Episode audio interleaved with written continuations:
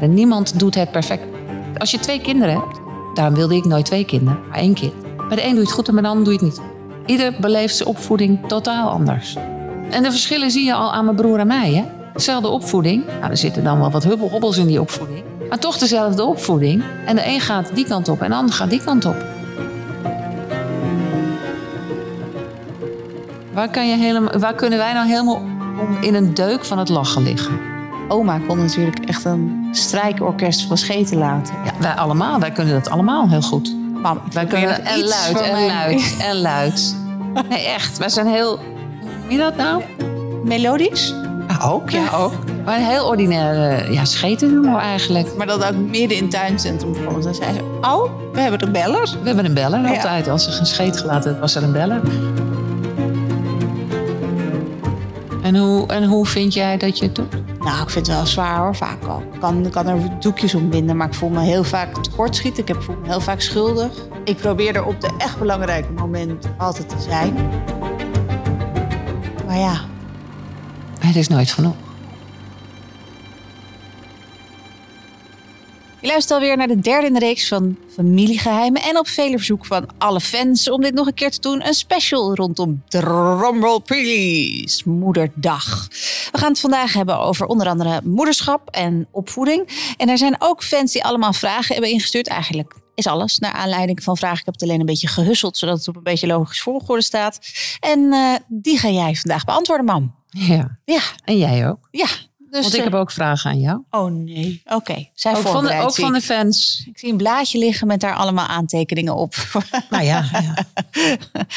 Oké. ehm, heel veel mensen vragen eigenlijk los van de vraag over opvoeding en eh, moederschap.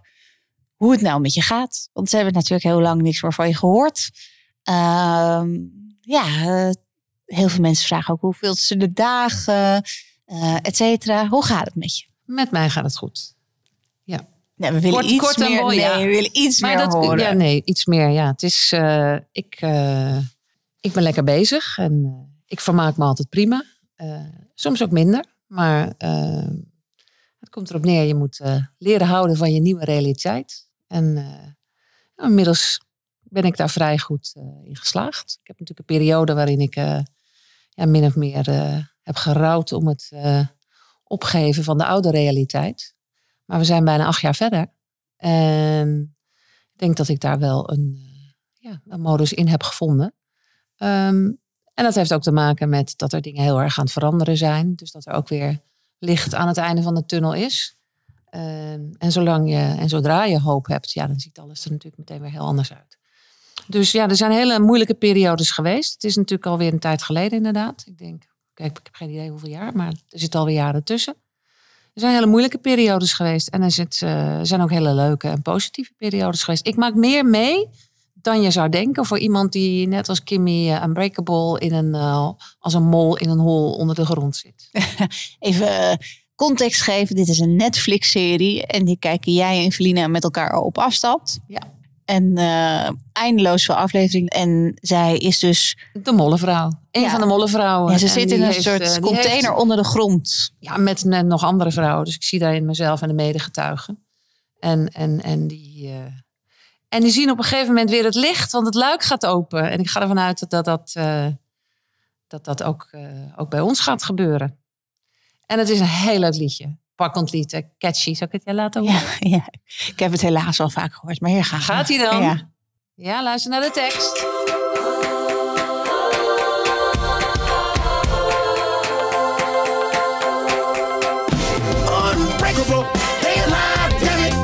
It's a miracle. Unbreakable, they alive, damn it. With females all strong and unbreakable, they alive, damn it. It's a miracle. Unbreakable, they alive, damn it. That's gonna be, uh, you know, uh, fascinating transition. A fascinating transition. En wie heeft jou dan uit het hol getrokken? Nou, ik denk dat eh, met de nieuwe politieke wind eh, die van de huidige minister van, eh, van Justitie komt, eh, dat, eh, dat er voor eh, veel eh, getuigen een andere wind gaat waaien. Hmm. Wij zijn natuurlijk geen kroongetuigen. Wij zijn bijzondere getuigen die, eh, ja, die eigenlijk min of meer altijd aan ons lot zijn overgelaten. En daar komt nu heel langzaam een verandering in. Wat is het verschil tussen een kroongetuige en een bijzondere getuige? Een kroongetuige heeft misdrijf gepleegd. Dus eh, ja, stoute dingen gedaan, foute dingen gedaan. Dat kan variëren van fraude tot moord tot van alles. Eh, en een bijzondere getuige, ja, dat zijn mensen die, eh, ja, die, die graag willen getuigen, maar door de dreiging die daarop zit, dat eigenlijk nooit durven. En die krijgen dan eh, ja, omstandigheden waardoor ze wel kunnen gaan getuigen. Nou, die omstandigheden waren altijd echt heel belabberd. En dat is pas nou, sinds kort, sinds een tijdje, dat daar verandering in komt. Zou jij het iemand af of aanraden om te getuigen? Nou, ik denk dat als er nu dingen veranderen eh, voor mensen die graag. Je kan denken aan notarissen, je kan denken aan advocaten, je kan denken aan eh, ja, familieleden die eh, zien wat er allemaal gebeurt. En ook min of meer ja, toch wel de druk voelen om daarin mee te gaan. Als dat goed wordt georganiseerd, dan zoals het op lijkt dat het nu wel gaat komen, ja, dan vind ik dat iedereen daar zijn plicht moet doen en moet getuigen. Als je het moet doen met de acht jaar die ik heb gehad, dan zou ik zeggen, nou, eh, nooit aan beginnen. Nee. En ja, en dat is ook eigenlijk wel een roep hoor, om, eh, om die hele eh, verandering ook echt door te zetten. En ja, ik denk, ik denk dat die er komt. En dat heeft alles weer te maken met, met de persoon die dan op zo'n positie zit. Ja, het is toch bijzonder dat dat vaak zo persoonsafhankelijk is hoe een functie wordt uitgevoerd. En dat, dat, is altijd. dat gaat altijd. van, van bibliothecaris tot leerkracht tot... Ja, het is betrokkenheid, het is inlevingsvermogen vooral. Ik bedoel, in dit geval, ehm, ik heb eh, de, zoals ik al zeg, ik doe bijna niks, maar ik wel, maak nog best wel veel mee. Ehm, ik heb op een gegeven moment was ik ergens en daar liep ik eh, tegen de minister van Justitie op. Ik noem haar Dylan, want ik vind haar achternaam moeilijk. Zegt minister ze met Dylan. een dochter die Miljuska heet, ja. Ja, eh, inderdaad. Maar heb ik, wel- daar heb ik wat jaartjes op kunnen oefenen. Ja. En deze nog niet. Maar dus, dus toen eh, liepen Sonja en ik liepen eigenlijk op tegen de minister van Justitie. En wij zaten op een gegeven moment aan een tafel. En toen kwam zij ja, eigenlijk tussen ons in zitten. En was geïnteresseerd in ons verhaal. En dat is voor het eerst, want ik heb natuurlijk dat dagboek van een getuige geschreven. Nou, dat is al jaren geleden. Toen zei de minister ook meteen van, nou, we gaan dit veranderen en die gaan we uitnodigen. Ik wil graag met haar in gesprek. Ik heb nooit meer wat gehoord. En deze minister stapte gewoon op ons af, ging op haar hurken zitten tussen ons in en ging het gesprek aan. Gewoon op menselijk niveau, weet je. Ja, dat vond ik heel typerend eh, en heel eh, sterk ook. Want je moet je voorstellen dat, zeg maar, ehm, communicatie is, is voor 70% lichaamstaal. Hè? Dus je moet je voorstellen dat als een minister op die positie, hè, dus eigenlijk buigt naar het volk, op haar hurken gaat zitten om met haar volk op gelijke hoogte in contact te komen. Ja, dan moet je wel heel krachtig zijn. En dat is, het is een, het is een mini vrouwtje. Het is een eh petiterig eh, vrouwtje, maar het heeft een kracht waarvan ik denk, ja, die kan voor verandering zorgen. En ik denk ook dat zij dat, eh, dat, zij dat gaat. Ze pakt verantwoordelijkheid voor alles. Loopt niet te draaien, doet niet moeilijk. Zeg gewoon, oké. Ook al is het niet haar schuld, hè? want er zijn twee verschillende dingen. Het kan je schuld, niet je schuld zijn, maar je kan toch de verantwoordelijkheid nemen. Dat doet zij, eh, vind ik, heel netjes. En ehm, ja, zij kijkt naar de mens achter de getuige, zeg maar. En zodra je dat gaat doen, is het ook voor andere mensen aantrekkelijker om die positie te gaan vervullen.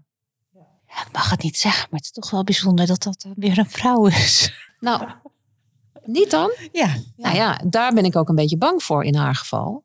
Want ja, zij zit natuurlijk op een, op een apparaat waar je weet niet weet, daar, komen natuurlijk wel allemaal van die dwarsliggers langs. Ja. Hè? Ja. Die het allemaal beter weten of geen verandering willen. Dus ik hoop echt dat zij, eh, dat zij door, eh, doorzet en dat het allemaal ervan komt wat ze in haar hoofd heeft. Maar je ziet het ook met eh, Caroline eh, van der Plas, hè? Is ook een vrouw, hè? Ja. Is ook eventjes stem van het volk. Mhm. Praat de mensen aan op hun gevoel. Leef je in in andere mensen. Mhm. Ja, het is dan toch een beetje, denk ik dan, die vrouwelijke trek. Waardoor, we, eh, waardoor de mensen zich ook gehoord voelen. Ja. Er zijn niet alle vrouwen zo, hè? want we hebben natuurlijk ook nog een minister Kaag. Nou, dat, dat is toch wel weer van een heel ander kaliber. Oh, oh, we geven ons een politiek terrein. Nu moeten we uitkijken. Nou ja, in zoverre dat ik gewoon echt ervoor pleit dat er, dat er gewoon geluisterd wordt naar het volk. Ja. Nou, daarover gesproken. Het volk heeft ook eh, gesproken en heeft allemaal vragen eh, ingediend. Oh ja, oké. Een van de vragen is, we zijn allebei jongmoeder geworden. En wat denk jij dat de voordelen daarvan zijn ten opzichte van iets ouder moeder worden? Nou, voordeel sowieso is fysiek, denk ik, eh, lichamelijk. Ja. Dat je gewoon, ja, je bent gewoon fysiek. Ben je gewoon. Als ik, dat, als ik mezelf nu vergelijk met 40 jaar geleden, Mhm. ja, dat is een eh, wereld van verschil. Toen eh, tilde ik jou in de kinderwagen, alle boodschappen eraan, tilde ik zes trappen omhoog. Nou, ik heb nu al moeite als ik zelf die zes trappen omhoog moet. Dus het is echt, fysiek is het, een, is het een groot verschil, denk ik. En een voordeel. En mentaal, ja, vind ik moeilijk te zeggen, want ik heb het natuurlijk. ehm, ik weet niet. Kijk, ik kan natuurlijk naar de kleinkinderen kijken vanuit nu. Maar dat is een andere positie. En dan kan ik met afstand kijken. Maar ik weet nou niet of ik die afstand ook had gehad. als ik ook moeder was geweest op, op latere leeftijd. Dat, heb ik, dat zou ik eigenlijk niet weten. Dus. eh, maar Ja. vaak is het zo dat je mentaal meer rust hebt, zegt men. Ja, nou, dat, kijk, dat vond ik wel, vond ik heel fijn om te zien. Omdat dat, dat was ook voor mij de beslissing geweest. Want jij was 19 dat je mij kreeg. Ik was 20. 23. Ik was drie, 23 zwanger, 24 kreeg ik Rembrandt. dus voor mij is het ook nooit iets geweest dat ik dacht... Oeh, als ik moeder word, stopt mijn leven. Nee, heb ik Nee. nooit gehad. En nee, maar ik zat ook op zwangerschapsyoga bijvoorbeeld. En dan had je heel veel moeders die helemaal overspannen waren hoe ze het gingen doen. Ja. Weet je wel, het kwam helemaal niet uit. En, eh, ze hadden net promotie gemaakt en eh, Ja. net een nieuwe hypotheek afgesloten. Ja. Allemaal hele serieus grote mensdingen.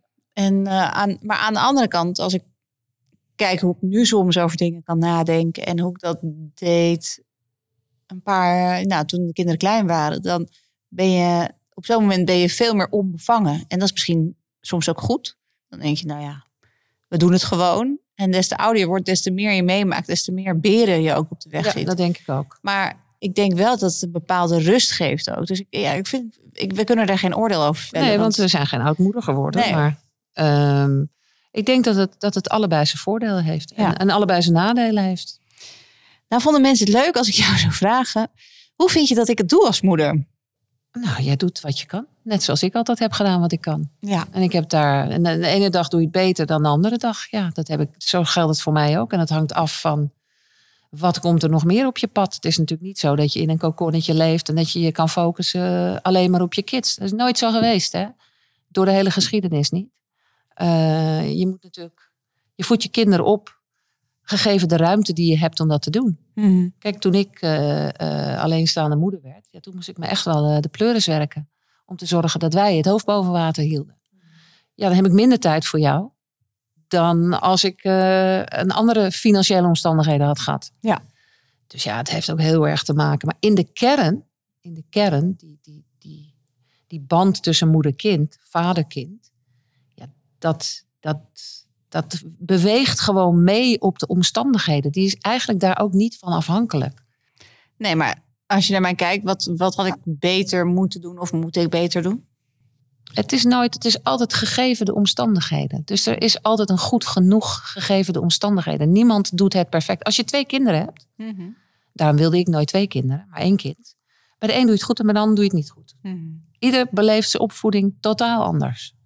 En wat je bij de een, wat de een als heel positief ervaart, ervaart de ander als heel negatief. Dus het is heel moeilijk te zeggen ook hoe de uitwerking is van een opvoeding. Of ik denk alleen, eh, ja, je moet er zijn. Een kind moet. eh, eh, en, en zelfs dat kan niet iedereen een kind geven. Hè? Want er zijn hele grote groepen in Nederland waar moeders, vooral alleenstaande bijstandmoeders, struggelen om hun kinderen voldoende eten te geven. Om ze vol- naar school te kunnen laten gaan. Om ze, ja, dat soort dingen. Ja, nou ja, kijk, dat zijn de basisvoorwaarden. Hè? Dat je ze dus voeden, kleding, eh, een plek om te slapen. Eh, ja, die, die luxe heb jij altijd kunnen geven. Die heb ik jou ook kunnen geven, gelukkig. Maar ook niet altijd zonder hulp. Hè? Ik bedoel, als ik mijn familie niet af en toe had gehad, was het ook een heel ander verhaal geweest. Ja. Dus ik vind dat zo slecht. Kijk, ga je het afmeten of je opvoeding goed is aan de ontwikkeling van een kind? Dat kan. Maar kan ook niet altijd. Hè? Er zijn kinderen, ouders die het heel goed doen, waarvan de kinderen toch een heel moeilijk pad op gaan. Ja, je hebt Ja, dus... en de verschillen zie je al aan mijn broer en mij. Hè? Mhm. Zelfde opvoeding. Nou, er zitten dan wel wat hubbel- hobbels in die opvoeding.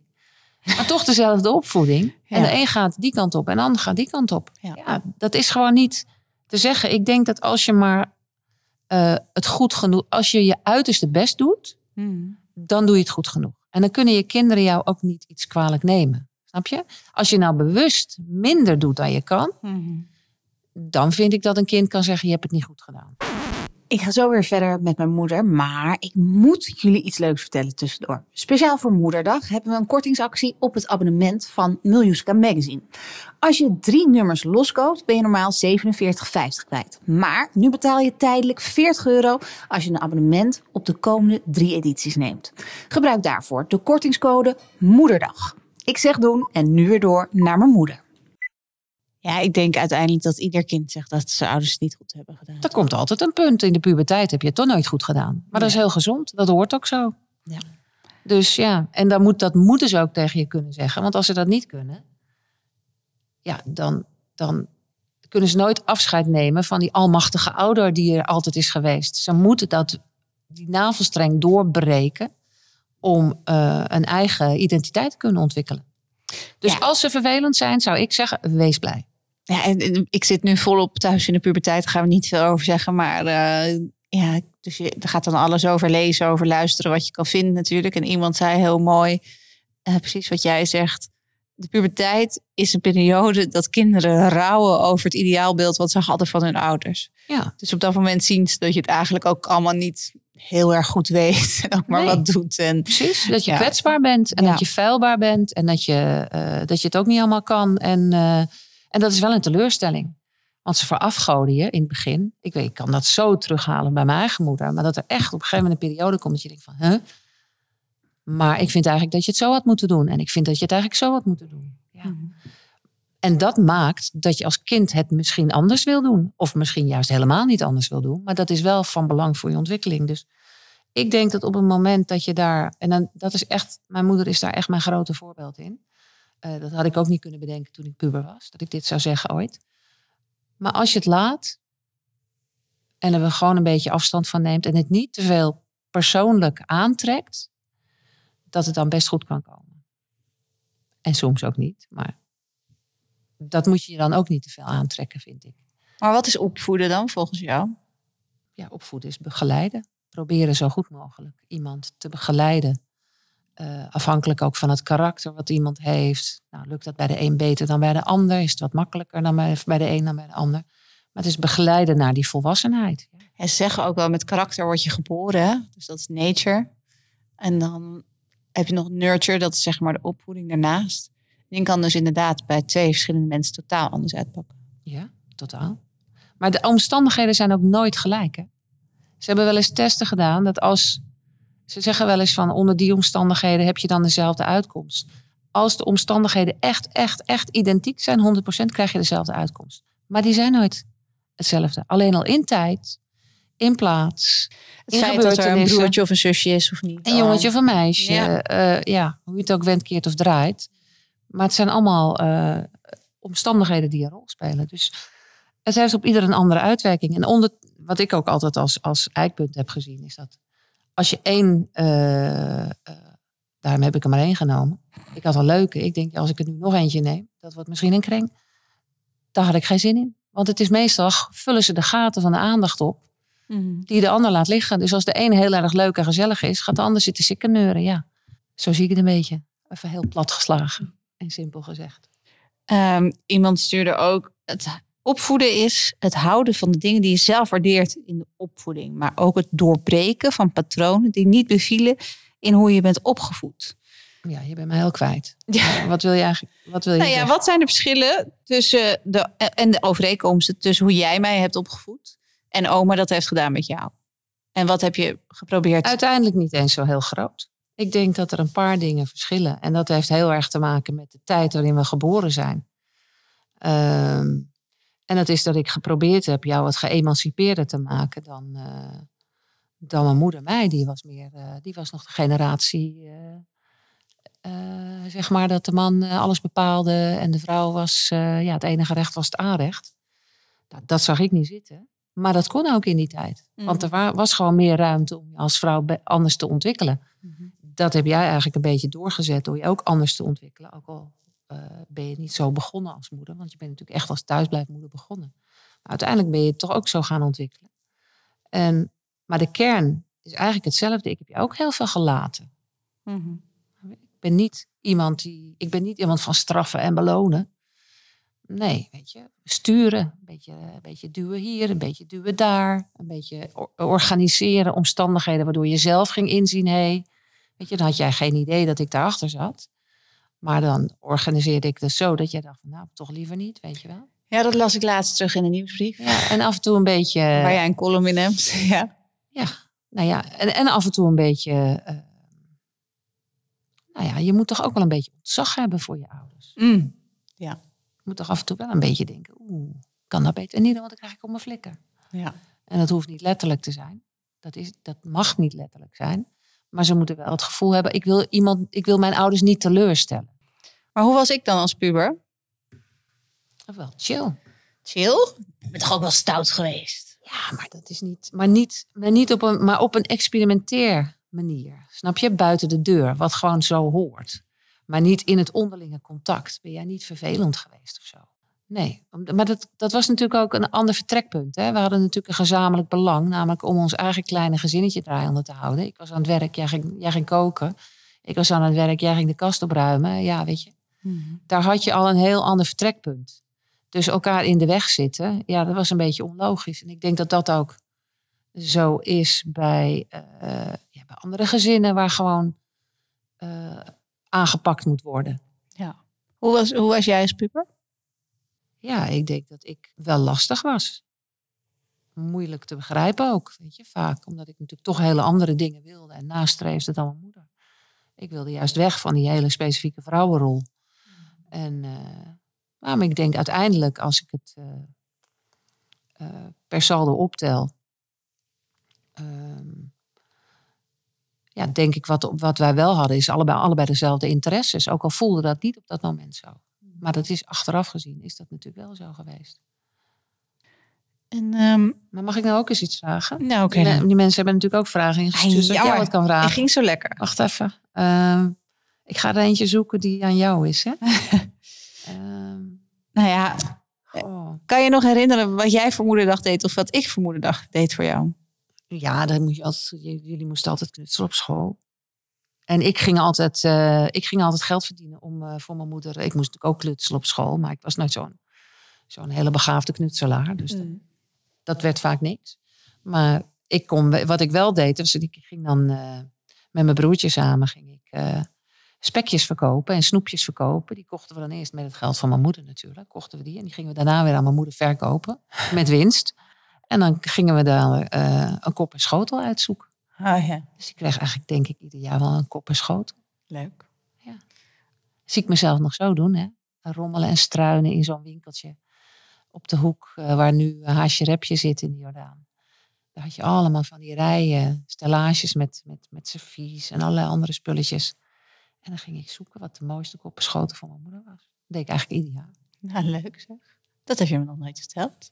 Nee, je, je hebt het me ook nooit gevraagd. Nee, dat klopt. het is, moet van een vent komen. Dit is eh, een beetje ons onderliggende ding. Ik vraag nooit zoveel. Dat is mijn. eh, ik vraag wel vaak om hulp, maar. eh, Nee. Nee, maar goed, wie gaat het nou vragen? Wie staat er nou bij stil? Is dat je hier nu dat Mm. dat gevraagd is, dat ik je dat vertel. Eh, en ik ben ondertussen nog steeds even. Oh ja. Even kijken. nou, ja, je mag verder zoeken terwijl ik je nog een vraag Ja. stel. Ehm, Nou, stel dan. Dit is een fan-vraag. Heb je ook mooie herinneringen aan je moeilijke jeugd en tienerjaren? Ja, natuurlijk. Zeker. Wat dan? Het is niet allemaal kommer en kwel geweest natuurlijk. En eigenlijk is iets pas kommer en kwel als je het kunt gaan vergelijken, je eigen situatie met dat van anderen. Mm. Want dan pas denk je, oh, het kan ook anders, weet je wel. En dan begint de kommer en kwel toe te slaan. Maar als jij kind bent en je bent eh, gewoon aan het, aan het ja, hè, functioneren zonder al te veel eh, afstand daarvan. En je zit er middenin. Dan zit daar middenin zijn er natuurlijk ook altijd hele leuke en mooie momenten. Dus eh, ja, ik, vind, eh, ik heb hele mooie herinneringen aan mijn moeder. Dat ik bij haar op schoot zit. Ik wilde altijd bij haar op schoot zitten. Had altijd van die, van die fluffy armen, zo heel koud. En dan kon ik zo lekker mijn wang tegen doen. Super zacht. Dat Ja, super zacht. Ik ik zie me ook zo nog met haar gro- de groenten wassen in dat hele kleine keukentje, weet je. Dan mocht ik de andijvie mocht ik eh, wassen. En ijskoude handen, want we hadden geen warm water. Sla wassen, eh, met haar eh, de was ophangen. Echt wel hele huishoudelijke taken ook, die zij ook natuurlijk deed. Het meubilair poetsen. Mm. Dat, met dus, dus en het hout en het koper poetsen. Ja, dat was gewoon heel fijn om, en gezellig om dat samen te doen. En je voelde je ook echt wel gewaardeerd. Omdat je iets voor je moeder kon betekenen. Dus Mhm. ik, eh, ik heb daar heel veel mooie herinneringen aan dat soort dingen. Ja, en later gingen wij natuurlijk, eh, toen ik basketbalde, ging ze altijd met mij mee. Zij was mijn trouwste fan. En zij ging elke week, zat ze bij mij op de tribune. En zat ze me aan te moedigen. Ja. En dat vond ik als puber vond ik dat verschrikkelijk. Want dan, dan viel ik weer of dan was er weer wat. En dan stormde zij het liefst het veld op. En dan moest ze tegengehouden worden. Dan schaamde ik me helemaal kapot. Maar we hadden wel dezelfde interesse. Sport. eh, eh, we hielpen elkaar met koken. We hadden eh, hetzelfde werk uiteindelijk op de markt. Weet je, we werkten allebei op de markt. Ja, dus eigenlijk ja, is zij, heb ik heel veel hele mooie herinneringen. En, en, en ja, tienerjaren ook, zeker.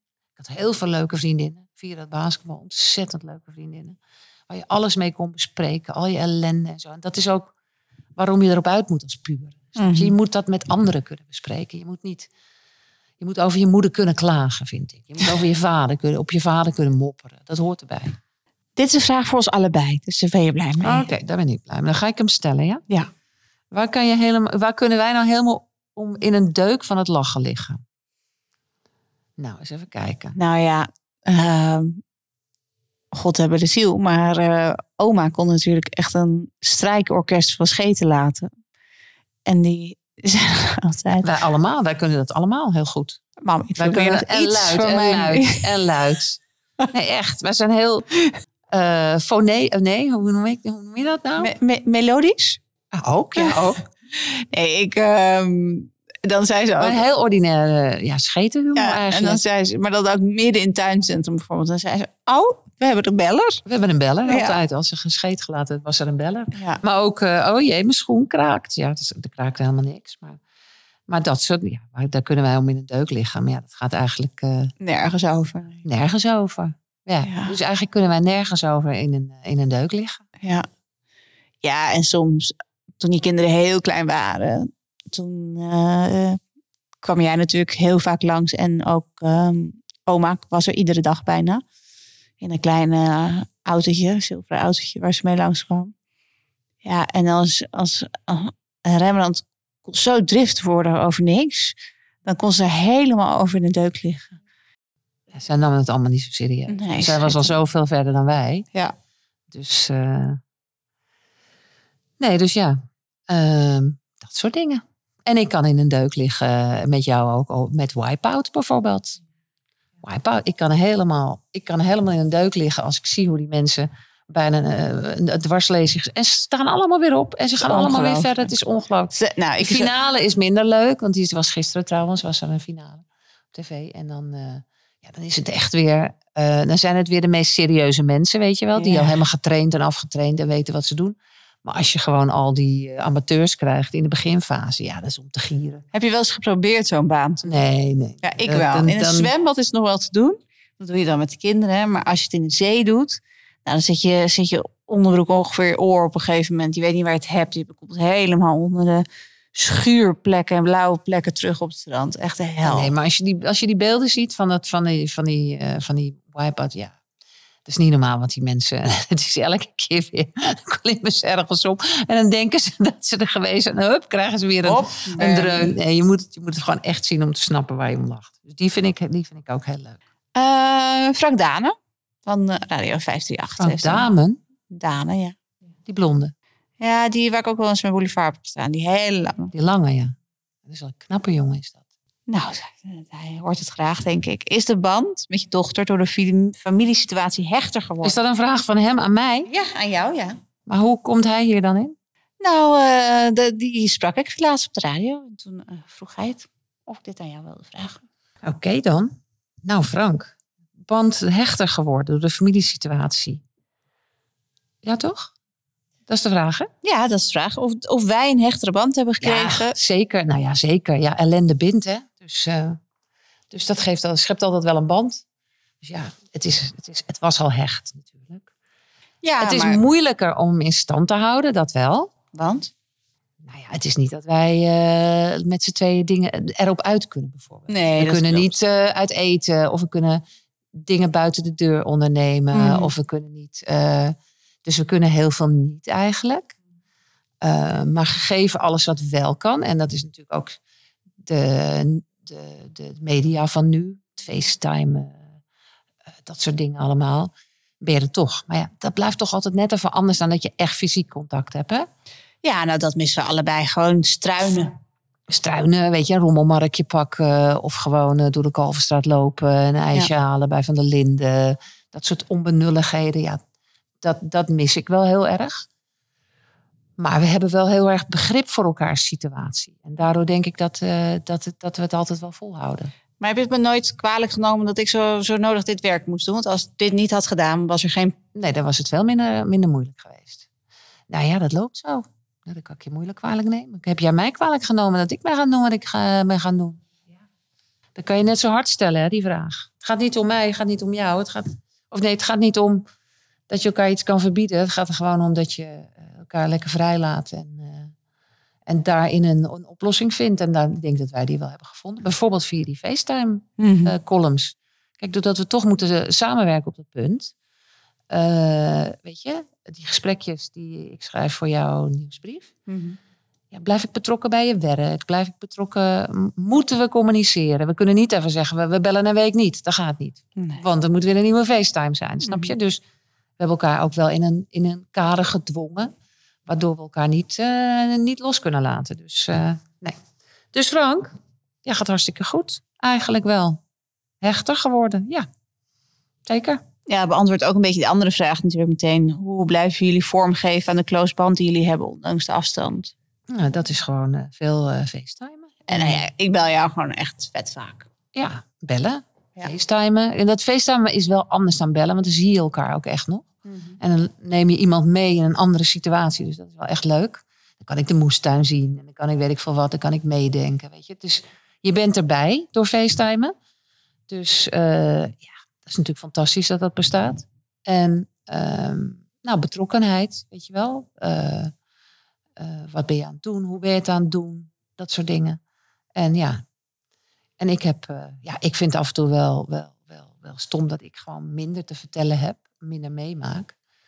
Hoewel, ik vind dat ik zelf nog best wel wat meemaak. Maar Nou, ik weet niet hoor, dat maar- ik, Jij kan meer boeken lezen dan ik doe. ja, dus- dat is wel zo. Ja, jij kan, Ja, dat is wel zo. je, Ik kan, heb je hebt wel de tijd om je te verdiepen in dingen. Ja, nou daar ben ik ook wel heel dankbaar voor. Dus het heeft ook wel een hele positieve kant. Hmm. Dus zeg maar dat ik wel echt de tijd heb om eh, alles te lezen wat los en vast zit. Hmm. En ik denk ook wel dat ik dat een beetje gedaan heb. Ik denk dat er wel, maar dat heeft me ook echt op de been gehouden. Ja.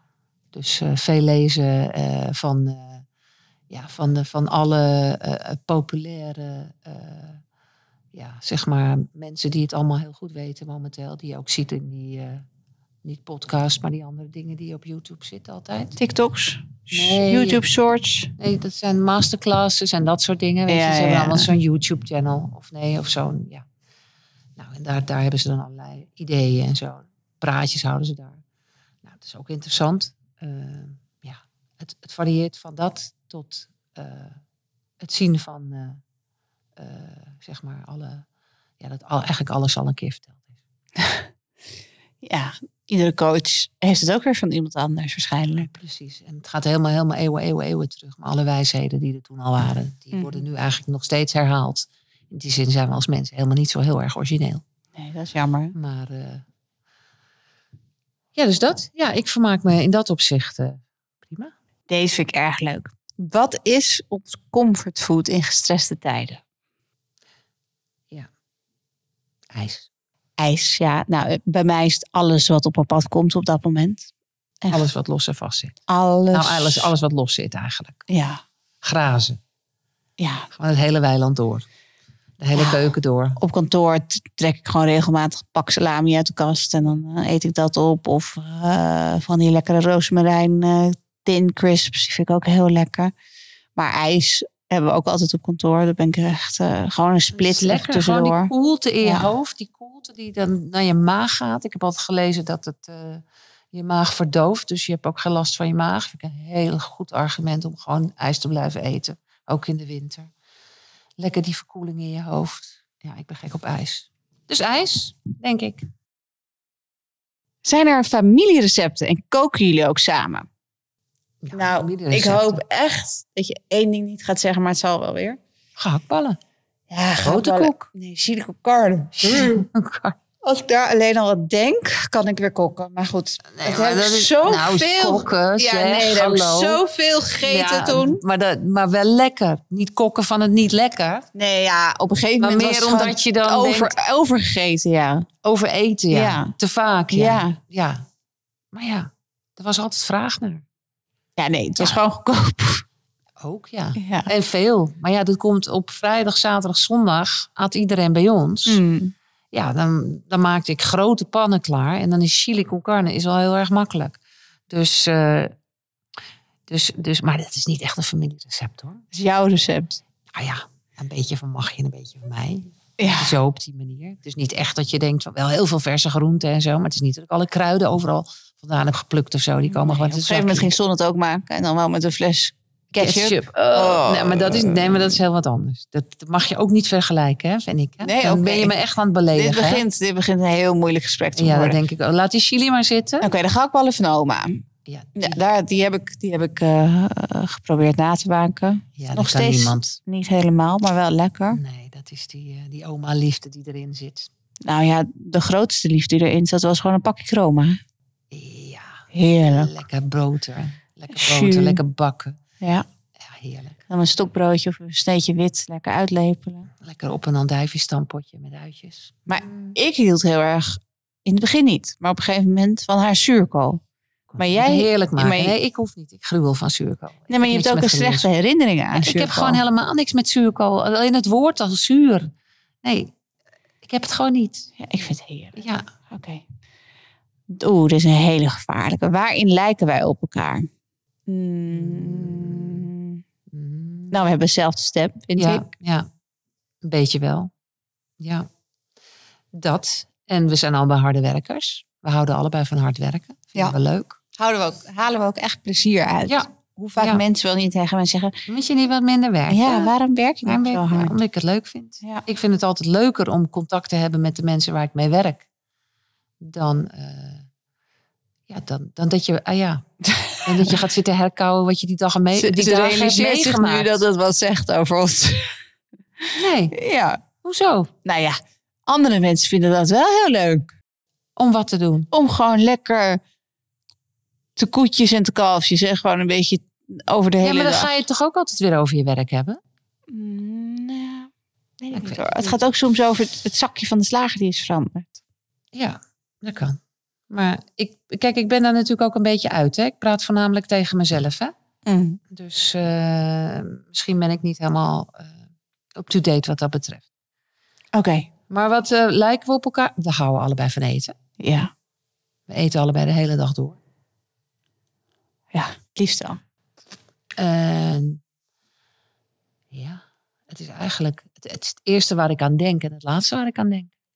Als ik opsta en als ik naar mijn bed ga. Maar kook je wel voor jezelf? Want dat is natuurlijk, als je alleen bent, is, Is het heel ongezellig. heel Zo ongezellig. ongezellig. Ja. Zeker als je uit een situatie komt waar er altijd mensen aan tafel zaten. Dan Mm. is dat zo ongelooflijk ongezellig. Mhm. Eh, nee, maar goed, ik heb natuurlijk al heel lang niet gekookt. Hè. Dan ging ik lekker buiten de deur eten of halen. Maar dan ko- ik at wel altijd samen met mensen. Want dat, vind, Mhm. ik, dat vind ik nou echt leuk. Dat in je eentje eten, dat is echt, ja, dat is echt een stuk minder hoor. Dat is echt een stuk minder. Maar ja, je moet toch eten. Dus ja. En dan maar wel gezond. Dus dan ga ik toch maar weer koken en zo. Dan maar. Ah, ik heb een vraag voor jou en mij. Kijk, wat vind je de grootste verschillen tussen de generaties van oma Stien, jouzelf, mij en de kleinkinderen? De positie van de vrouw is toch wel echt veranderd. Nou Ik ben ja, een soort tussengeneratie wat dat betreft. nou ja, ik denk dat het straks nog verder gaat. Ik hoop het. Nou ja, ik vind het wel ingewikkeld hoor. Want, Ja, omdat je het niet altijd gelijk oploopt. Nee. Het moet wel zo zijn dat het eerlijk verdeeld is. Nee, want nu had je die campagne vanuit de overheid dat vrouwen eh, minder part-time moeten werken. Ehm, en dan staan er natuurlijk allemaal mensen op die zeggen: ja, minder part-time werken. Wij doen eh, zoveel keer meer onbetaald werk als vrouw zijn dan, dan de man. Tja. Dus Wat bijvoorbeeld. is, dan, wat is dan de rest van, wat is het huishouden doen? Dat hoort, dat, dat doet zichzelf of zo. Of dat doen de kaboutertjes. Ja, daar is weer heel goed over nagedacht door de overheid hoor. Mhm. Zie je maar weer. Huh? Daar heb je wat aan, aan zo'n campagne. Ja, En zou dat kosten, denk ik dan? Dan denk ik, ga daar lekker de kinderopvang een beetje van spekken. ja, Daar Ja. heb je meer aan. En daarnaast is het, ik heb een heel leuk team op kantoor zitten. Het zijn alleen maar meiden. Nou, die hebben echt moeite om plek te krijgen bij de opvang. Ja, natuurlijk. Het is allemaal heel ingewikkeld. En gaat emotioneel allemaal maar eens combineren. Nou, dat ook. Kind hele dagen ergens anders laten. Dat is voor een moeder niet te doen, maar is voor een vader ook niet te doen. Nee, maar en, en je krijgt. Ja, maar als vader krijg je nou nooit de vraag: hoe doe je het allemaal? Of. ehm, Nou, dat zijn ook alleenstaande vaders. ja, oké. Er is altijd een nuance, maar Ja. het ligt toch vaak. Wordt het op het bordje gegooid van de vrouw. De zorg. Ja, dat weet ik. Dat klopt, inderdaad. En dat is ook eh, nog niet helemaal eh, gelijk getrokken. Of misschien nog helemaal niet. Maar, Maar er is in ieder geval discussie over. Weet je? En zodra vaders en mannen zien hoe leuk het is met je kind. Dan, dan verandert. Er zijn ook heel veel vaders die daar gewoon ook echt voor kiezen. Maar ja, het begint al met zwangerschapsverlof. Hè? Dat op het moment dat jij alleen vrij bent, ben jij natuurlijk degene die je kind het beste leert lezen. Dus ben je ook degene die het snelst uit bed stapt s'nachts. Ja. ja, want die man moet werken Ja. de volgende dag. Dus dan ga je elkaar in ontzien. werken. Dat snap ik. Nee, maar Ja. het, is, het is ook niet zo dat ik denk dat er... Ik bedoel, ik heb ook niet een situatie gehad... waar mijn, mijn vent het bed eh, uitsprong om jou een flesje te geven. Dat is niet zo. Ehm, maar ik denk dat heel langzaam is er wel heel veel ten positieve aan het veranderen. Maar ik vind als je als overheid... Ik heb die campagne niet gezien hoor. Maar als je gaat stimuleren dat vrouwen meer parttime moeten werken... Ik denk dat heel veel vrouwen heel graag parttime willen werken... als de rest van het werk dan maar gedaan wordt. Mhm. En waarom moet het eigenlijk parttime werken? Nee, juist niet part-time werken. Oh, juist dus niet volledige weken. werken. Dat is toch niet te doen? Je gaat voor die kinderen zorgen dan? Ja. Dat gaat er niet. Nee, Kijk, vroeger gewoon- was het anders, hè? Ja. Toen jij klein was, was er een... Hè, takes a village to raise a child. Mhm. Was er een, een oma, er was een tante, er was een... Ja, en als die alle, allemaal ook hadden gewerkt zoals ik... Ja, dan had ik echt wel een gigantisch probleem gehad. Maar doordat je dat kon combineren... Mhm. Ja, dan, dan, heb je, dan is het te doen. Maar ja, ik vind dat, ik vind dat nogal wat hoor. Om, eh, Kijk, en er zijn kinderen die het heerlijk vinden hè, op de crash. Mhm. Die vinden van kleins af aan zijn ze daar helemaal op hun gemak in. Maar er zijn ook kinderen die het helemaal niet zo fijn vinden. En daar moet je dan maar overheen stappen, want je moet Mhm. hele, ta- hele dagen gaan werken. Mhm. Ja, dat zie ik helemaal niet. Je moet toch kijken naar de behoeftes van het kind. Hoe was het voor jou om oma te worden? Ja, leuk dat we allebei dan moeder zijn. Weet je, dat is leuk. Ja, hoe, het wo- hoe het wordt. Ja, op het moment dat zo'n baby er is, ja, dan ben je natuurlijk helemaal verslingerd. Mhm. Dan eh, begin je weer helemaal bij af, als het ware. Mhm. dan, eh, ja, dan gaat het weer. Maar dan met een beetje afstand. En dat is eigenlijk nog veel leuker. Ja, in het begin dat ik bevallen was van Rembrandt, heb je ook best wel eventjes bij ons in huis gezeten. Want ik had natuurlijk van alles, hele heftige borstontstekingen en zo. Dus jij hielp echt ook met zorg voor Rembrandt s'nachts. Ja, ik kan het me allemaal niet meer zo goed herinneren hoor. Nee? Nee. me een stapelbed goed staan en jij sliep daar. Ja. Oh ja? Ja. Oké. Nou ja, ik weet gewoon dat. Ik weet gewoon dat eh, jij toen hele heftige borstontstekingen had. Dat was gewoon echt heel erg. Ik herinner me nog dat we samen naar die arts wandelden, weet je wel, over straat. En liep te klapperen van de koorts. Ook zo krankzinnig dat hij niet even thuis kon komen. Maar het was echt wel heel heftig. Maar je had een hele aparte vroedvrouw met hele gekke tips. Mhm. Weet je nog? Mhm. Ja, blijf maar pompen, blijf maar pompen. Ik zei, Mil, je moet daarmee stoppen. Mhm. En eh ja, stop die pink er maar in, stop die pink. Nou, de, Oh. kind, de kind heeft tot zijn vierde geloof ik aan die pink lopen trekken. Daar weet je helemaal knetter van.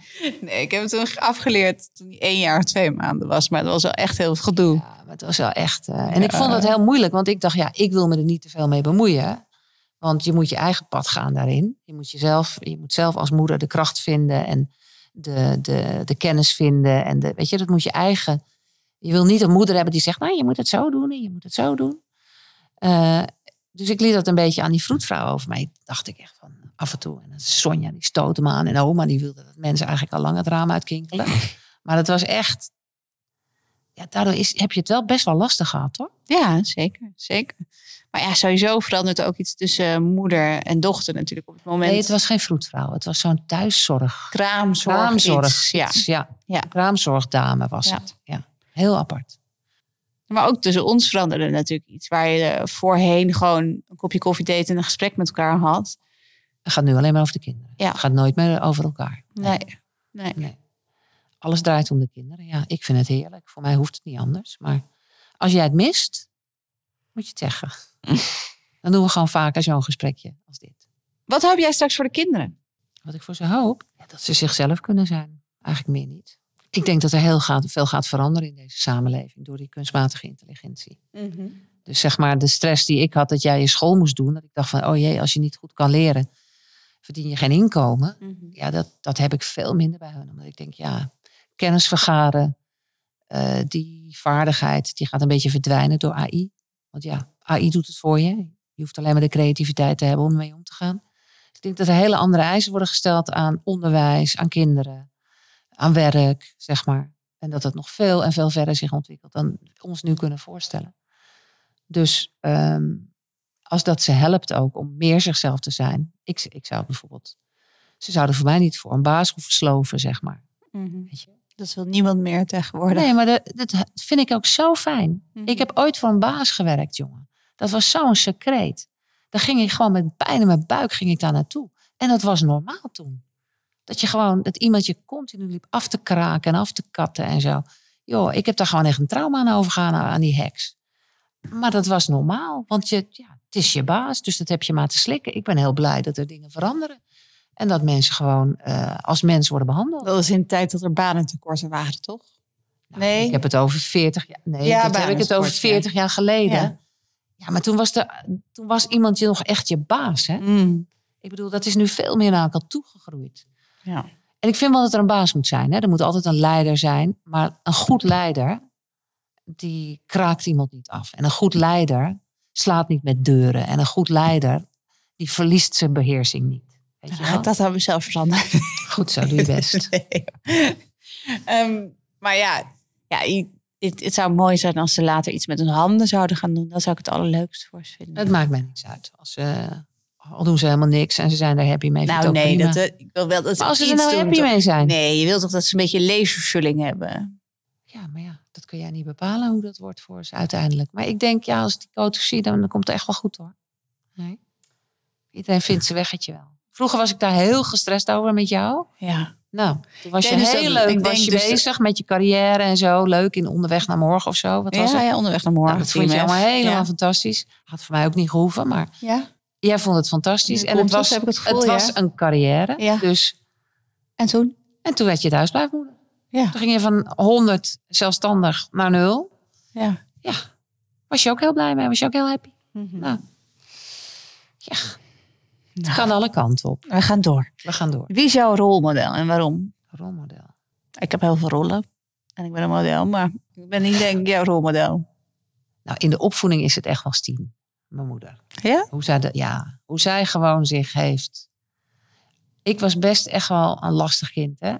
Maar doordat ze altijd net heb gedaan als ze gek was, heeft dat mij heel goed geholpen. Dus ik denk dat heel veel is, dus qua moederrol, zie ik, ja, vind ik dat de, de beste houding.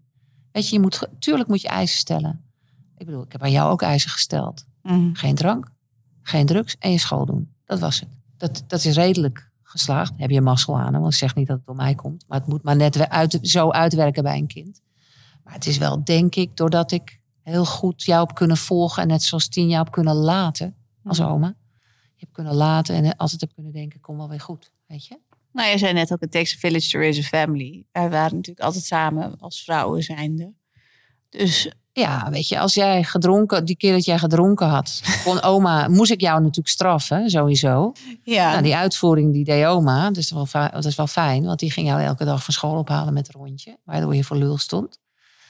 En eh, ik kon dan weer een andere, en die kon tegen, ach kind, ach kind, ja, je moeder, je moeder. Weet je, die kon het een beetje verzachten.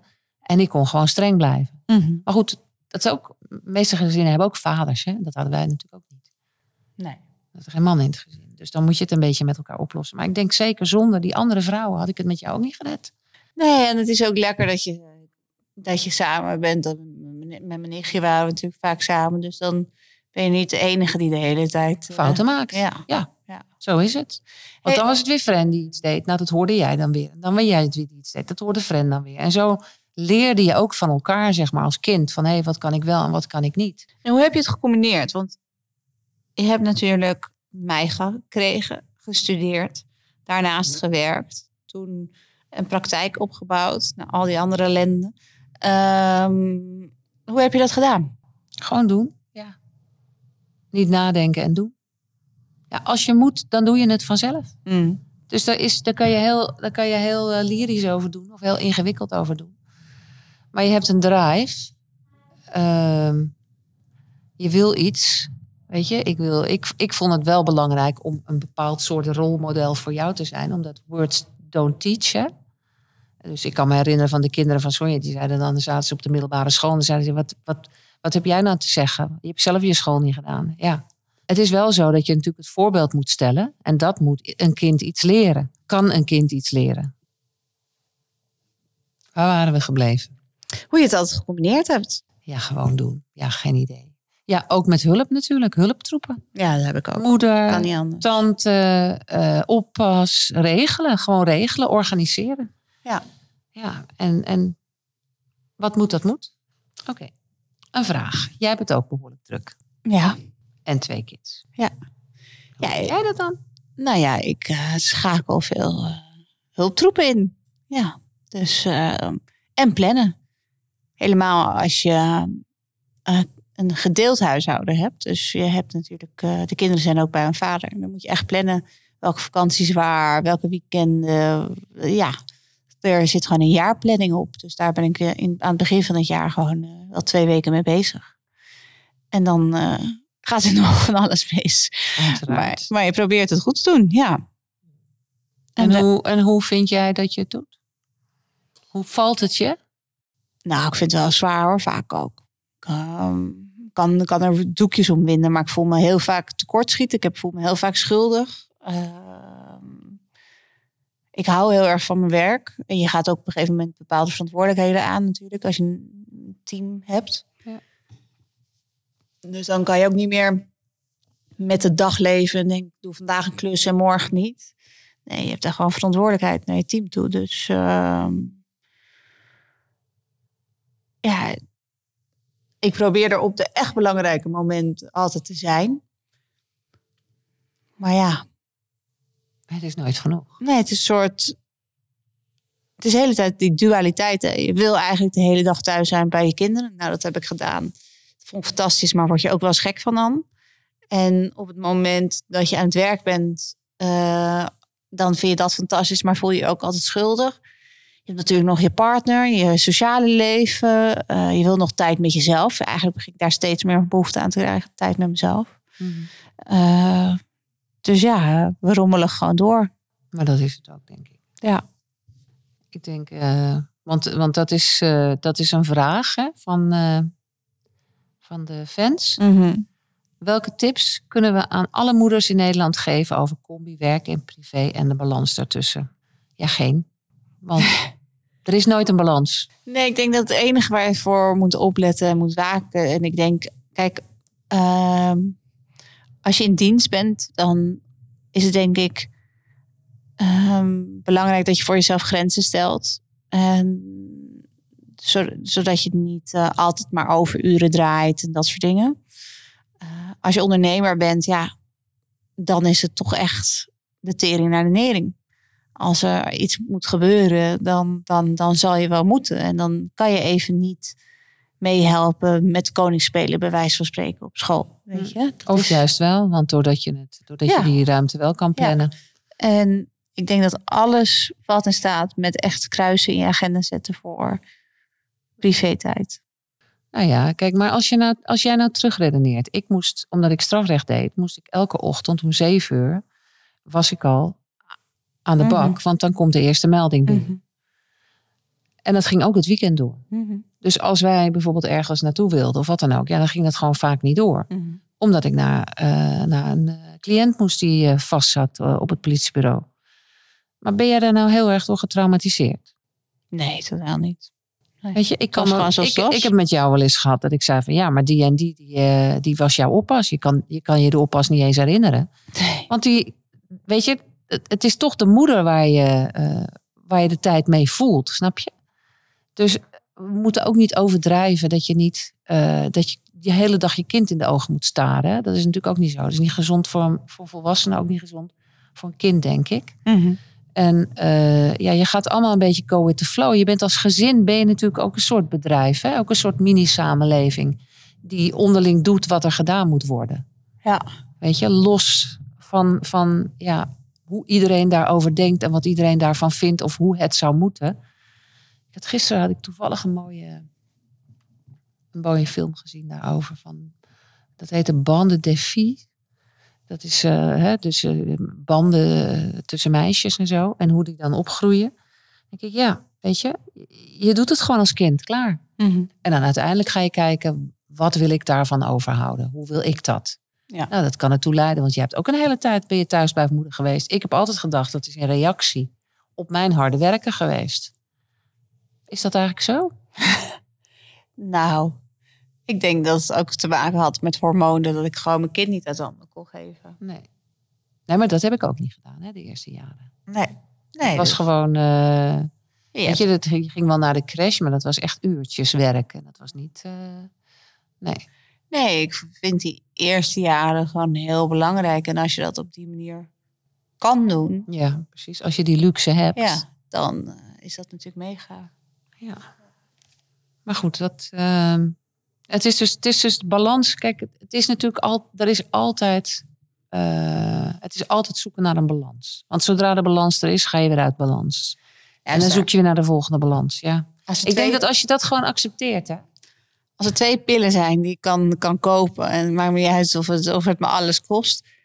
Eén, de balanspil. En de andere, dat ik alles kan eten zonder dat er iets gebeurt met mijn lichaam wat ongezond is. Zou ik morgen allebei kopen.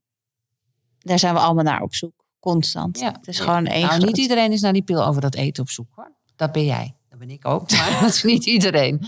Maar die balanspil, ja, dat snap ik. Maar Ja. ik denk dat, kijk, het is, het is altijd, eh, dat is ook de uitdaging in het leven, toch? Mhm. Die balans zoeken. Je gaat elke keer van donker naar licht. En dan als het licht is, wordt het weer een beetje donker. En dan ga je weer naar het licht. En dat is ook altijd de beloning van het leven. Misschien moet je balans, balans zoeken niet als negatief zien. En als je dat gewoon als positief ziet en accepteert. Denk ik dat je het jezelf een stuk makkelijker maakt als moeder. Ja. En daar hebben we ook recht op, vind ik. Ja. Het onszelf een beetje makkelijk maken als moeder. Mhm. En niet alleen maar met ons achter, in ons achterhoofd oordelen en wat we allemaal wel en niet moeten. Eh, want we moeten steeds meer. Nee, weet je, je doet wat je kan. En eh, zolang je kinderen geen honger hebben, niet geslagen worden en je er echt voor ze bent, naar vermogen wat je kan, ja, laat je dan ook niet gek draaien door alles wat iedereen zegt of van je verwacht. Mhm. En dat was het. Wat mij betreft die vraag. Wat ik heel leuk vind, en dat die mazzel hebben wij, is dat ik toch, zeg maar, doordat jij dan dat werk doet, hè, Mhm. dat ik daar toch enigszins van mee kan snoepen. In de Mhm. zin van dat ik eh, bijvoorbeeld altijd het persoonlijk verhaal mag schrijven voor jouw magazine. Mhm. En dat is altijd. Dat is voor me, dat is een van de. Hè, we hebben dus- de, de column voor de, voor de nieuwsbrief, hè, waardoor we in verbinding blijven altijd. Mhm. En zeg maar dat persoonlijk verhaal brengt me altijd weer terug naar de geschiedenis. En wat er allemaal geweest is en hoe we het gedaan hebben. En wat, wat er herinneringen ophalen. Ik duik altijd weer in de foto's en zo. Ja, nu heb ik dan weer, eh, want ik, ik beweeg natuurlijk wel mee met, met jouw Thema's. onderwerpen, met Ja. jouw thema's. Nou, En- nu hebben we thema Hollandse bodem. Nou, blij Ja. kun je me niet maken. En dan de ondertitel lekker makkelijk de zomer in. Gewoon niet te moeilijk. nee, nee, nee, Ja. nee. Het moet ook vooral lekker makkelijk zijn. Mhm. Maar dan ben ik weer aan het nadenken. En dan ga ik weer in, in mezelf herinneringen ophalen. Van nou ja, hoe vul ik dat nou in? Mhm. Die Hollandse, dat, dat Hollandse thema. Wat vind jij nou typisch Hollands? Nou, Annie M. G. Smit bijvoorbeeld. Is heel. Hollands. Voorleesboekjes van Annie M. G. Smit. Weet je, eh, Otje, de kok, het koken. Weet je wel. Ik zoek natuurlijk toch een beetje naar de herinneringen die we samen op dat, op dat gebied hebben gemaakt. En ook, eh, ja, wat is Hollands? Andijvie-stampot. Kaas. Een, een lekkere, dikke bruine boterham met dik boter en, en, en jonge kaas. Ja. eh, stoofpeertjes. Nou, dat is allemaal natuurlijk niet voor de zomer. Maar dat is zo leuk aan het, aan het doen en meekijken. Want ik mag gelukkig ook meekijken met het magazine. Ik mag mee, eh, Mening mee- geven. meedenken enigszins. Ehm, op afstand allemaal. Maar wel heel leuk om alles te lezen wat iedereen maakt en schrijft en doet. En daarin mee te groeien. Ja, die, dat geluk heb ik dan. Maar als ik dan over het Hollandse thema denk wat eraan gaat komen. Ja, dan heb ik eigenlijk al het persoonlijke verhaal weer in mijn hoofd zitten. Mhm. Maar dat ga ik natuurlijk niet vertellen nu. Want anders hoeven mensen het niet te kopen. En wat vind, Dus- je, wat vind je niet leuk aan Holland? Nou, eigenlijk, ik vind eigenlijk niks aan Holland niet leuk. Ik vind momenteel de politiek een beetje moeilijk. Maar daar mochten we het niet over hebben. Nee, het is allemaal heel ingewikkeld. Maar Het politiek is misschien ingewikkeld. altijd Het ingewikkeld is altijd geweest. ingewikkeld, ja. Ja. ja. Maar ik vind, ehm, ik vind de seizoenen heerlijk in Holland. Ik vind de landschappen prachtig in Holland. Ik vind ehm, de mensen lekker nuchter. Ik, ja, er is eigenlijk niks. Ik zou, ik zou niks weten wat ik in Holland niet leuk zou vinden. Een beetje regen af en toe, te veel. Maar daar ben ik altijd wel weer blij mee ook. Als het weer, weer wat langer droog is. Nou komen wij natuurlijk allebei uit Amsterdam. Wat, wat maakt ons nou Amsterdammers, denk je? Ja, je krijgt altijd iets mee van de omgeving waarin je opgroeit. Ja, als ik een Amsterdammer op tv zie, dan zie ik gelijk wat een Amsterdammer is. Mhm. Weet je, dat is toch vaak eh, heel direct en heel eh quasi grappig altijd. En eh, een beetje humor er doorheen. En ja, dat is een Amsterdammer. Ja, Ja, het die is directheid. Die directheid. De, de zon is de zon. De zon. Zout is zout. De zon in de De, zeezak. de Z is altijd een S. Ja, maar dat is, en dat is qua taal. Ja, dat, je hoort het ook meteen. Je hoort het aan mij ook. Mhm. Zodra ik een beetje, Op. een beetje op mijn gemak ben, of wat dan ook, of moe, of wat dan Mhm. ook, dan gaat het meteen weer van algemeen beschaafd Nederlands naar uppakee, richting eh Jordanees. Ehm, wat is een Amsterdammer? Ja, ik denk wel iemand die direct is, vooral. Ik krijg meteen zin in van die Amsterdamse uitjes, maar dat daar gelaten. Of een eh, ijsje van Van der Linden. in de Ook lekker. Kalverstraat. Schuimtaartje van de Linde, daar heb ik zin in. Is ook niet verkeerd. Of een lekkere tompoes van de Lange. De Lange is trouwens eh, gewisseld van eigenaar. Oh jeetje, Dus dat stukje historie. Maar ze hebben nog wel dezelfde tompoesen. dat is belangrijk. Ehm, nou is het natuurlijk eh, het zomernummer. Dus wij blijven lekker in Nederland. Daarom ook het Nederlands thema natuurlijk. Maar ja, wij gingen vroeger wel eens op vakantie. Werd ook wel eens onderbroken door werkdingen dat we terug moesten. Ehm, maar vroeger als kind, ging jij dan op vakantie? Nee. Nee, wij gingen nooit op vakantie. Nee. Ik ben echt tussen het beton opgegroeid. Nee, als ik groen zag, dan ging ik al hyperventileren. Maar wat deed je dan de hele zomer? Op straat spelen. Mm. eh, aan de gracht hangen. Ja, ik had natuurlijk toch altijd, er was altijd wel wat te doen. Er was altijd een buurvrouw waar ik naar binnen kon. Er was altijd wel een vriendje of een vriendinnetje dat dan toevallig niet op vakantie was. Waar ik dan, maar er waren ook wel hele weken dat mijn beste vriendinnetje, Hanna bijvoorbeeld, die ging dan naar Spanje. Wauw, dat vond ik mega dat zij naar Spanje ging. En eh, ja, dan zat ik daar. Dan had ik niemand. Dat vond ik verschrikkelijk. Dat vond ik dan wel lang duren. Maar wij gingen niet op vakantie, nee. Nee, we, ja, waren gewoon op straat eigenlijk. En we gingen wel met mijn moeder naar het bos fietsen, dat Mhm. wel. Dat deden we ook op de woensdag. Dus dan gingen we naar eh, het bos fietsen, naar de speelweide toen al, weet je. En dan gingen we daar in dat water, in het Nieuwe Meer zwemmen. Dan had je allemaal van die, eh, want het is een aangelegd bos. Mm. Dus je had van die modder aan je voeten en zo. Dat was nou niet echt een, eh, een lekker plekje. Maar ja, dat was prima. Dat deden we dan. Later toen ik klein was, had jij een tuinhuisje. Volgens mij in Almere. Ja, maar dan weet je het wel wel. Almere Haven. Ja, ik wist niet dat het Almere... Het had ook Lelystad kunnen zijn. Ja, Sorry. nee, het was Ja. echt, dat was echt mega. En ehm, dat was voor ons wel echt eh, ook een vakantieplekje. hè? Ja. En wat, wat, wat kookte je daar dan altijd? Want we gingen was daar... op zo'n heel, heel op zo'n wat ik heel vaak maakte. Waren gewoon van die kant-en-klare hotdogs. Van die, ehm, van die eh, worstjes uit een blik. Ja. Je, je had daar niet veel. Nee. Je moest op een gaspitje koken. Op zo'n zo'n dingetje. Nou, dan maakte je dat warm. En dan had je die lekkere broodjes. En dan had je een broodje hotdog. Bijvoorbeeld. Maar ik ging daar niet, niet uitgebreid staan kokkerellen. Nee. En dan groente fruit. Groente, fruit. Ja, maar dat aten we altijd. Oké, De hele dag door. oké. Dus er was altijd groente, fruit. Omdat ik gewoon, ja, dat vind ik zelf gewoon heel erg lekker. Als je me, als je me, als ik, als ik moest kiezen. Ja, ik, hoef, ik hoef dan nooit meer vlees te eten of kip. Of wat vind ik toch al een beetje, ik krijg altijd een beetje de kriebels van kip. Maar eh Ik vind het nog steeds groente heerlijk en hoor. fruit Ja. vind ik heerlijk. Nog één kleine reminder voor het aankomende Miljuska magazine met het thema van Hollandse bodem. Je kunt hem altijd los bestellen op de site voor 15 euro. Maar met de kortingscode Moederdag betaal je maar 40 euro voor drie nummers. En daar zit het extra dikke kerstnummer dan ook bij. Code Moederdag. Er zijn heel veel mensen die hebben gevraagd, waar word je nou echt gelukkig van? Ook van de situatie waar je nu in zit. Nou, van de situatie word ik niet gelukkig, maar in de situatie. Zei ik dat? Ja. Ja. Eh, waar word ik gelukkig van?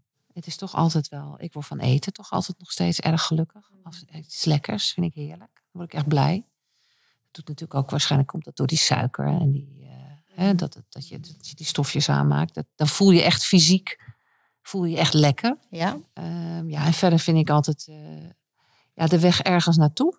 En dan proberen dat te halen. Dat vind ik altijd. Ik vind dat gewoon heel erg leuk. Ja, bijvoorbeeld een verhaal schrijven. Verhaal schrijven, weten, dat, dat, dat is het thema. Of dat is het, Mhm. dat is het onderwerp voor de column. En dan weten van. En dan lekker piekeren. Alles wat gewoon naar resultaat leidt, is denk ik wat ieder mens gelukkig maakt. Het is nooit een moment, hè? Geluk. Nou ja, nou ja, het is juist wel een moment, vind ik. Je bent niet altijd gelukkig, toch? Je bent, ik heb vaak dat ik een moment gelukkig ben.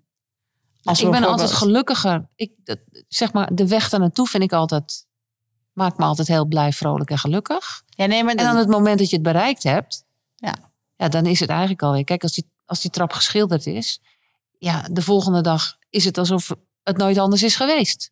ja. Maar die weg daar naartoe en dat je dat resultaat ziet, die ene tree die dan wel eh, eh, lekker glimt en die andere die nog eh, dof en, en, en smoetsig is, dan, dan die weg daar naartoe, dat, dat is denk ik geluk. De weg Ik ben daarom ook denk ik dol op die voor- en na-filmpjes. Je hebt ook zo'n man die dan overal gaat aanbellen en dan zegt hij, mag ik gratis uw ehm, gras maaien? Dat zijn de mensen waar dan het hele, de hele tuin van overwoekerd is. Het zijn vaak oude mensen die het Oh zelf niet ja, kunnen ja. doen.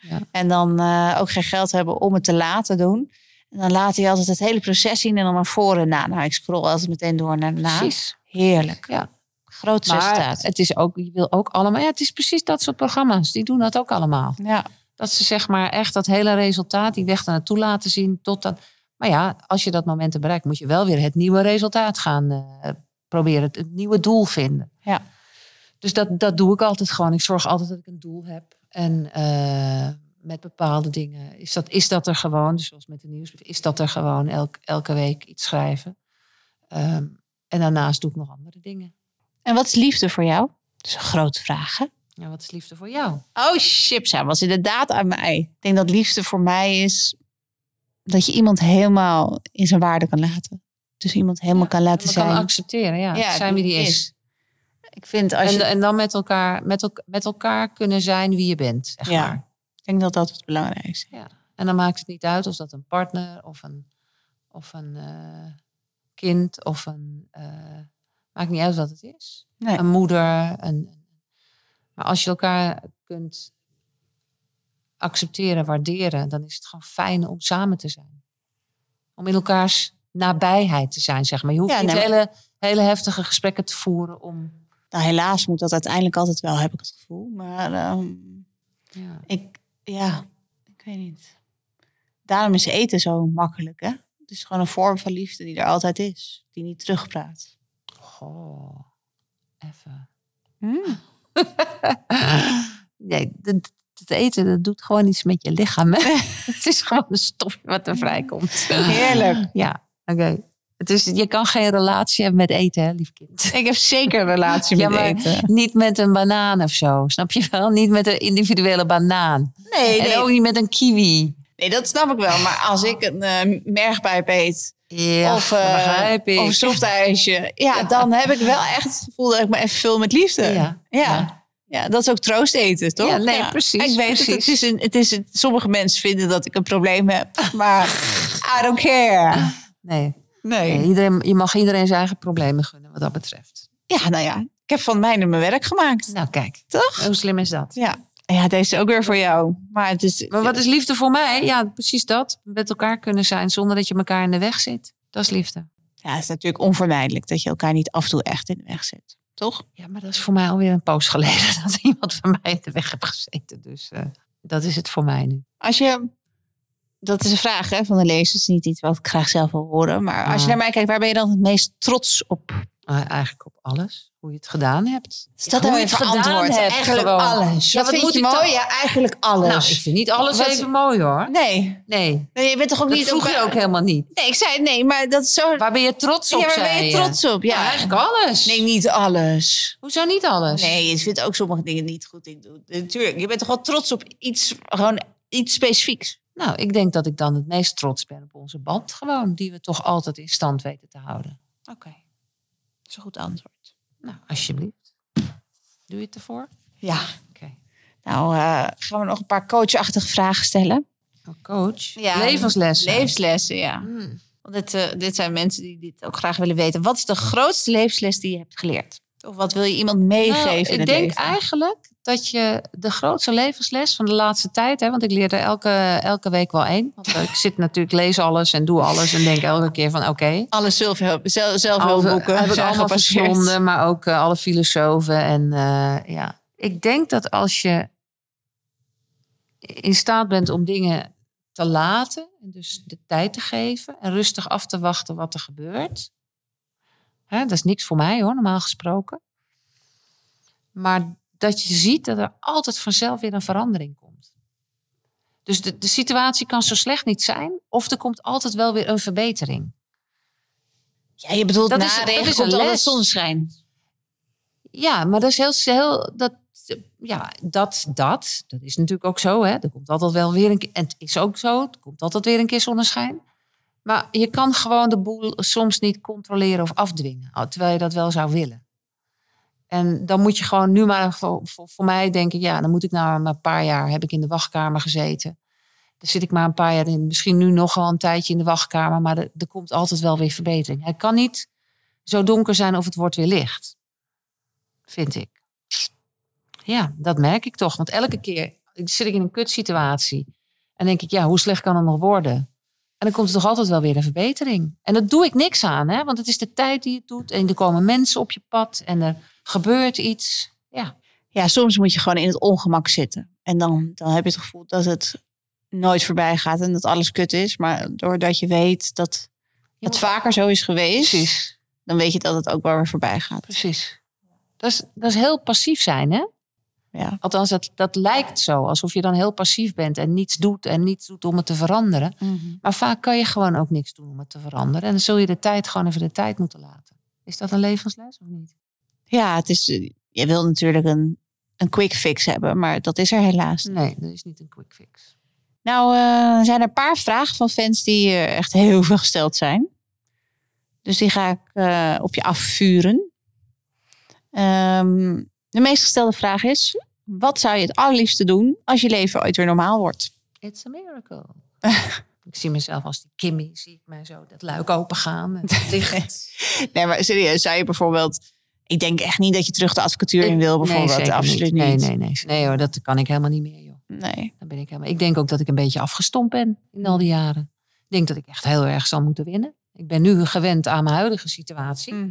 En ik denk dan, als dat zo is, eh, dat ik eh, wat, wat normaal was voor mij. Mhm. Ja, dat was natuurlijk al niet normaal.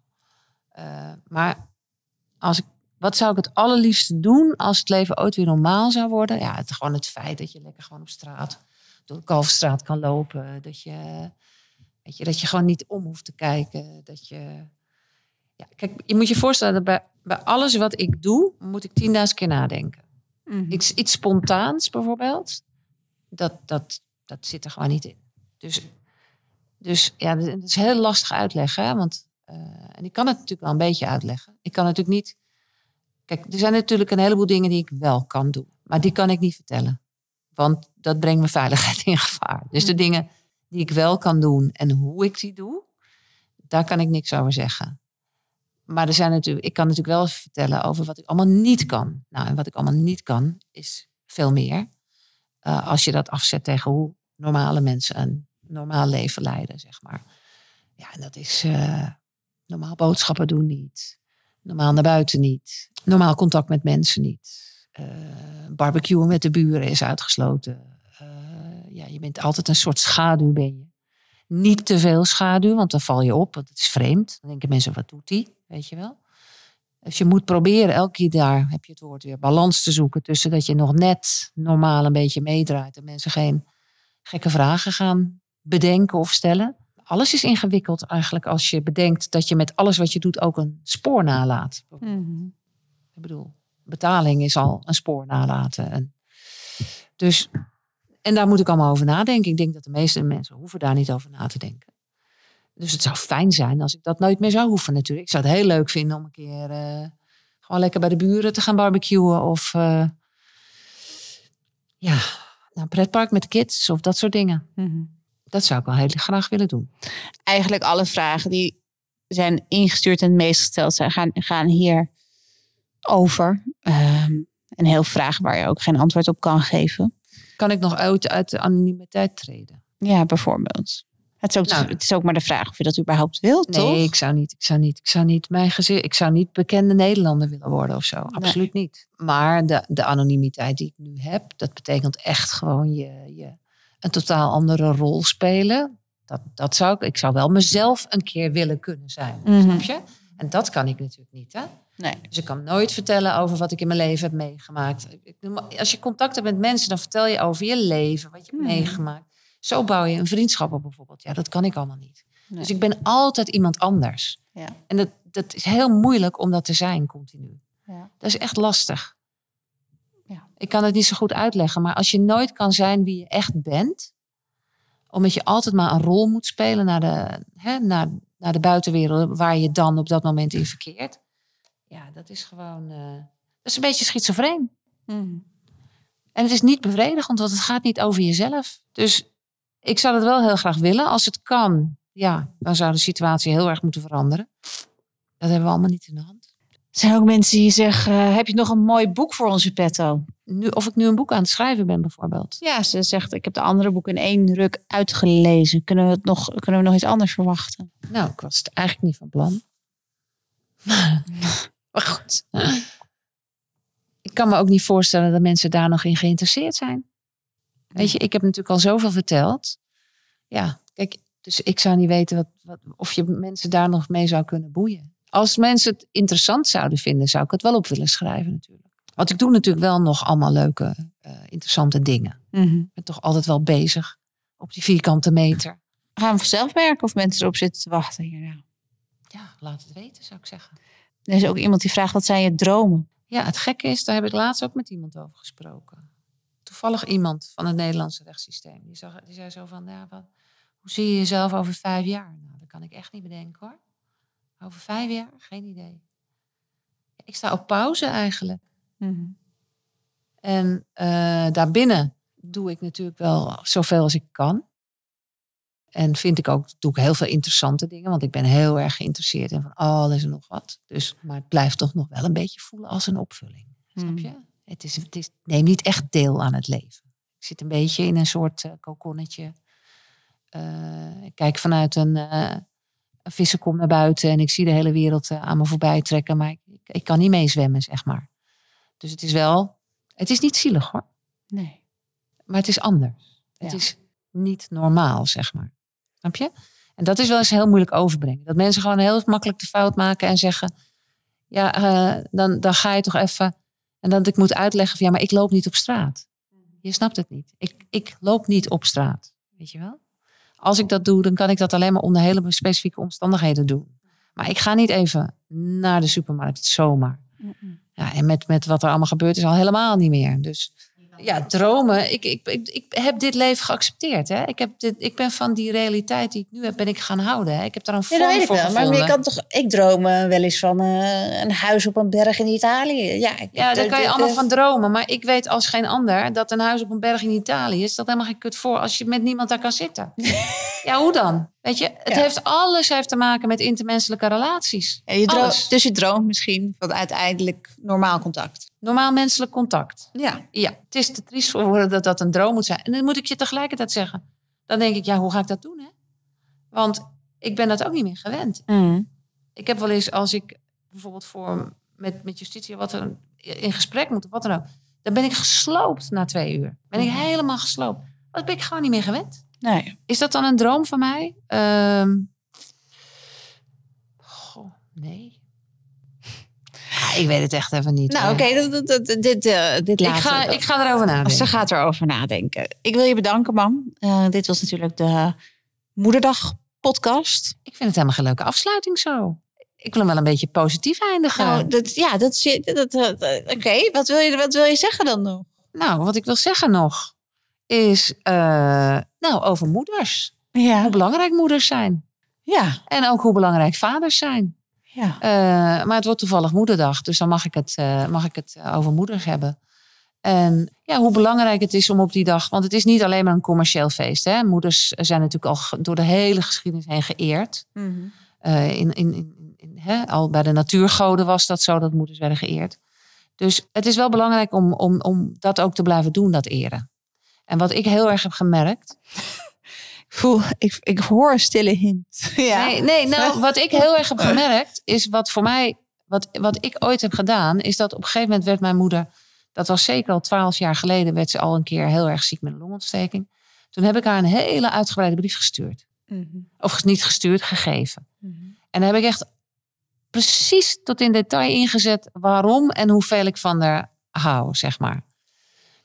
En het leuke is dat ze die altijd heeft bewaard. En ik ben heel blij dat ik dat al heel vroeg heb gedaan, zeg maar. Dus ze heeft daar altijd van kunnen Genieten. genieten, zeg maar. Van hoeveel. Ik heb het natuurlijk ook wel altijd getoond. Hè? Dus ik ben er wel altijd voor geweest. Altijd voor haar gezorgd. Tot, op de- tot aan de laatste snik heb ik voor haar gezorgd. Maar ik- dat is wel iets waarvan ik zeg: kijk, zo'n moederdag. Schrijf eens een mooie brief aan je moeder. Mhm. Laat eens weten. Want kijk, het is veel moeilijker. Iets tegen je moeder zeggen.